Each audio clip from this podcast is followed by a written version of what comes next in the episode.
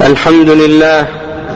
الحمد لله الذي لم يتخذ ولدا ولم يكن له شريك في الملك والخلق. وخلق كل شيء فقدره تقديرا.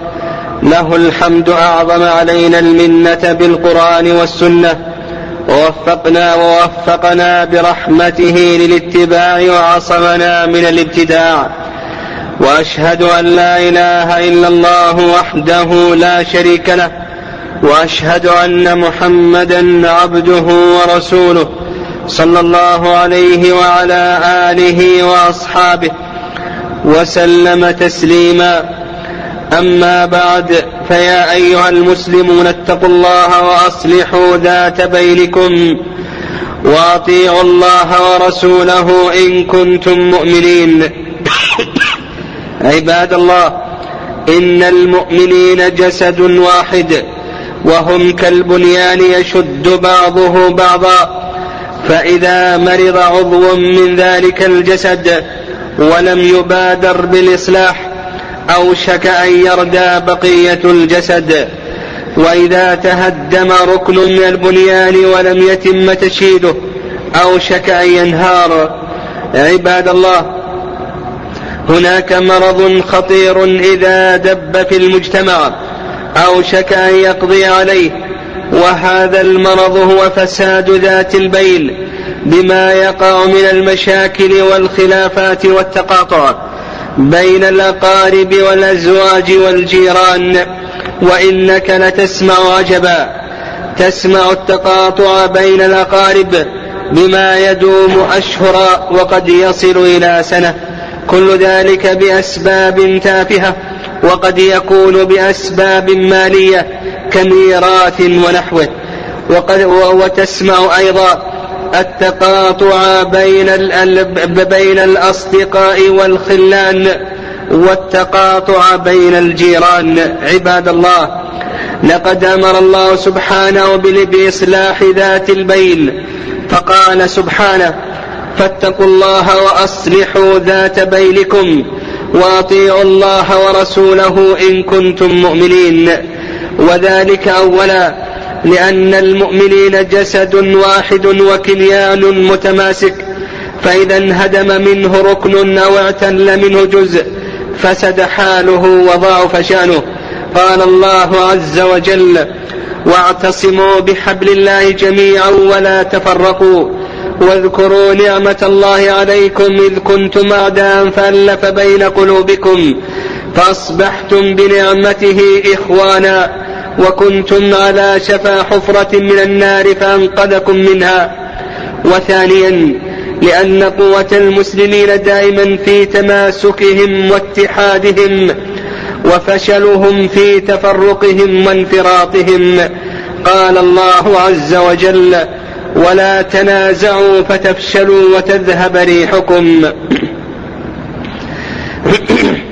ولهذا كان الإصلاح بين المسلمين وإزالة ما بينهم من ضغائن من أعظم القربات وأجل الحسنات.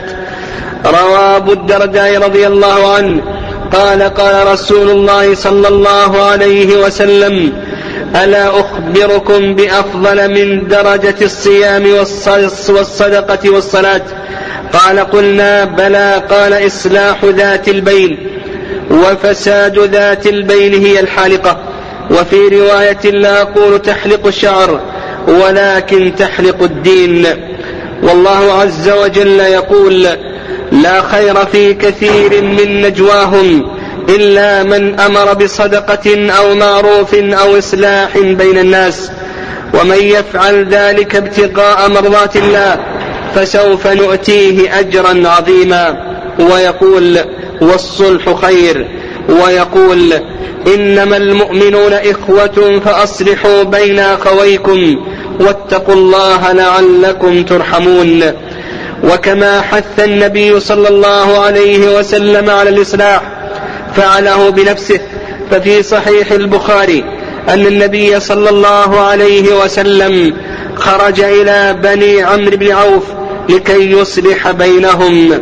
معاشر المسلمين إن إصلاح ذات البين هو السياج الواقي للأخوة الإسلامية والدرع الحصين لوحدتهم وأمنهم.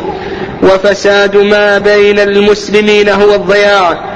كما تقدم في قوله عليه الصلاة والسلام إن فساد ذات البين هي الحالقة أي الماحية المزيلة لكل معاني الفضيلة والقوة. بلغ من أهمية الإصلاح في الإسلام أن أباح أخذ الزكاة من أجل أن يصلح بين الناس ولو كان بين أهل الذمة. وأباح وأبا وشرع إبطال الأيمان والحنث فيها للقيام بالإصلاح. فإذا حلف على عدم القيام بالإصلاح فينبغي له أن يحنث في يمينه ويكفر ويزاول ما أحجم عنه وحلف عليه. قال الله عز وجل ولا تجعلوا الله عرضة لأيمانكم أن تبروا وتتقوا وتصلحوا بين الناس والله سميع عليم. وسبب نزول هذه الآية أن الرجل كان يحلف على ترك الخيرات من صلة الرحم أو إصلاح ذات بين أو إحسان إلى أحد. ثم يقول أخاف الله أن أحنث في يميني فيترك عمل البر والخير. فقيل له لا تجعل هذا الحلف. مانعا من عمل الخير والإصلاح بين الناس وهذا لخطر ترك الإصلاح وفعل الخير بين المسلمين. وأيضا فإن الله عز وجل أباح الكذب للإصلاح بين المؤمنين سواء كان ذلك الإصلاح عاما أو خاصا. أما عن الإصلاح العام فإنه يكون بين الأسر والجماعات والقبائل وما شابه ذلك. وأما الإصلاح الخاص فهو بين الرجل وأخيه وصاحبه وبين المرء وزوجه وبين القريب وقريبه وبين الرئيس ومرؤوسه وبين الأجير وصاحب العمل إلى غير ذلك من الأمور الخاصة. روى البخاري ومسلم عن أم كلثوم بنت عقبة وكانت من المهاجرات. قالت سمعت رسول الله صلى الله عليه وسلم يقول ليس بالكذاب من أصلح بين الناس فقال خيرا أو نما خيرا كأن يقول إن فلانا يذكرك بالخير أو إن بني فلان يحبون لكم الخير. يقصد إزالة وغر الصدور وطرد الأحقاد وفتح مغاليق القلوب. وعن أسماء بنت يزيد قالت قال رسول الله صلى الله عليه وسلم لا يصلح الكذب إلا في ثلاث الرجل يكذب في الحرب والحرب خدعة والرجل يكذب بين الرجلين ليصلح بينهما والرجل يكذب للمرأة ليرضيها بذلك. رواه البخاري. قال الخطابي رحمه الله تعالى هذه أمور قد يضطر الإنسان فيها إلى زيادة القول ومجاوزة الصدق طلبا للسلامة ودفعا للضرر. وقد رخص في بعض الأحوال في اليسير من الفساد لما يؤمل فيه من الإصلاح الكبير. فالكذب في الحرب بين الأعداء أن يظهر من نفسه قوة ويتحدث بما يقوي أصحابه ويكيد, ويكيد به عدوه. وأما كذب الرجل على زوجته فهو أن يظهر لها من المحبة أكثر مما في نفسه. يستديم بذلك صحبتها وألفتها ويصلح به ما بينه وبينها. وكذلك يكون من المرأة لزوجها مثل ما قال لها. عباد الله إن عدم الإصلاح سبب لحصول التهاجر والتقاطع والتدابر. مما يترتب ذلك مما يترتب على ذلك اسمه شؤمه وإثمه على المتقاطعين والمتدابرين وعلى من لم يسع بالإصلاح بينهما. روى أبو هريرة رضي الله عنه أن النبي صلى الله عليه وسلم قال تعرض الأعمال كل اثنين كل اثنين وخميس فيغفر لكل امرئ لا يشرك بالله شيئا إلا امرأ كانت بينه وبين أخيه شحناء فيقول اتركوا هذين حتى يصطلحا رواه مسلم. وروى أبو هريرة رضي الله عنه أن رسول الله صلى الله عليه وسلم قال لا يحل لمسلم أن يهجر أخاه فوق ثلاث فمن هجر أخاه فوق ثلاث فمات دخل النار. رواه أبو داود. قال النووي رحمه الله تعالى على شرط البخاري. وروى حدرد بن أبي حدرد رضي الله عنه أن النبي صلى الله عليه وسلم قال من هجر أخاه سنة فهو كسفك دمه. رواه أبو داود. قال النووي رحمه الله بإسناد صحيح.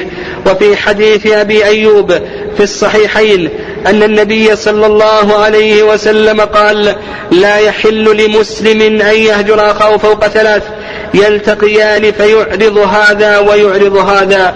وخيرهما الذي يبدأ بالسلام. اللهم جنبنا أسباب الفرقة والخلاف. والشقاق وارزقنا الوحدة والاتفاق والإصلاح. يا ذا الجلال والإكرام. أقول هذا القول وأستغفر الله لي ولكم من كل ذنب فاستغفروه إنه هو الغفور الرحيم. الحمد لله رب العالمين. الرحمن الرحيم مالك يوم الدين. أحمده وأشكره وأتوب إليه وأستغفره. وأشهد أن لا إله إلا الله وحده لا شريك له. وأشهد أن محمدا عبده ورسوله صلى الله عليه وعلى آله وأصحابه وسلم تسليما كثيرا.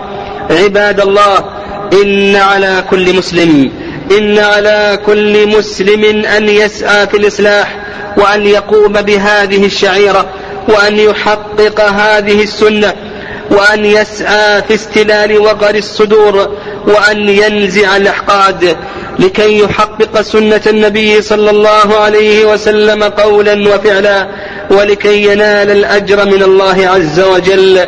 وعلينا أن نحارب أسباب الفرقة والخلاف فلا غيبة ولا نميمة ولا تتبع للعورات ولا حسد ولا بغضاء ولا تدابر ولا تقاطع ولا قسوة ولا بغي على أحد. وإنما, وإنما إخاء ومودة وإحسان وتعاطف ورحمة وتعاون على البر والتقوى وستر للزلات وتفريج للكربات وصدق مع الله وصدق مع الناس وأمانة وعفة وطهارة كل ذلك يثمر إصلاحا ونورا ومحبة وإخاء وعطفا وشفقة عباد الله وحينما نتجاوز الجانب النظري إلى الجانب العملي بالنسبة للإصلاح بين الناس يجد المسلم عجبا فنجد متخاصمين في الطريق.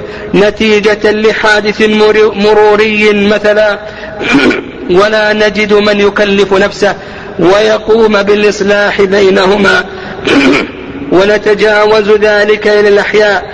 فتجد فيها من حالات الخلاف والخصام بين بعض الجيران أو بين بعض الأزواج والزوجات أو حتى بين الأشقاء ومع ذلك يتسامع بها الكثيرون ويتحدثون بها ولا نجد من يحاول أن يصلح بين هؤلاء أو أولئك. إن هذا زهد في سنة النبي في سنة النبي صلى الله عليه وسلم وعظيم بركة هذه الشريعة. إننا بحاجة ماسة إلى إيقاظ الشعور بهذه الشعيرة العظيمة. ولو تعاون الجميع وقام كل مسلم مع إخوانه تجاه هذه الشعيرة لحصل في ذلك خير وبركة. ولا استراحت ولا استراحت المحاكم والدوائر الأمنية من كثير مما مما تعاني من هذا النوع من الإشكال. عباد الله إذا سعي في الإصلاح حصل الخير والبركة فمن بركة ذلك الاستجابة لأمر الله وأمر رسوله صلى الله عليه وسلم والاقتداء بالنبي عليه الصلاة والسلام. ومن ذلك حصول الأجر عند الله عز وجل ومن ذلك القيام بحقوق المسلمين والأقارب والجيران ومن ذلك التباعد عن شؤم الفرقة والاختلاف وإثم التقاطع والتهاجر ومن ذلك سلامة المجتمع من الاختلاف والتفرق إلى غير ذلك من مصالح كثيرة.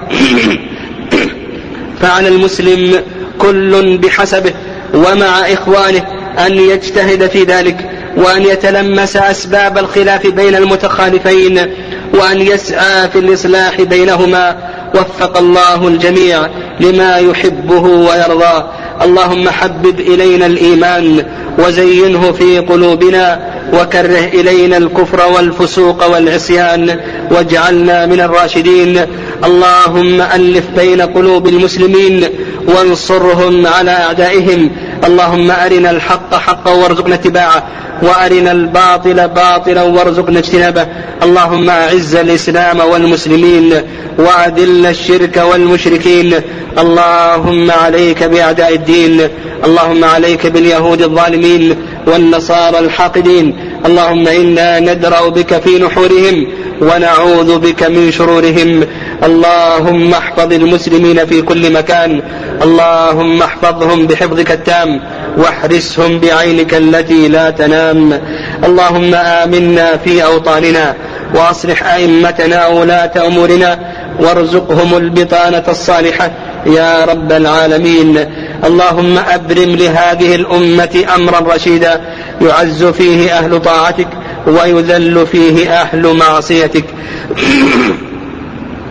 ربنا هب لنا من أزواجنا وذرياتنا قرة أعين واجعلنا للمتقين إماما.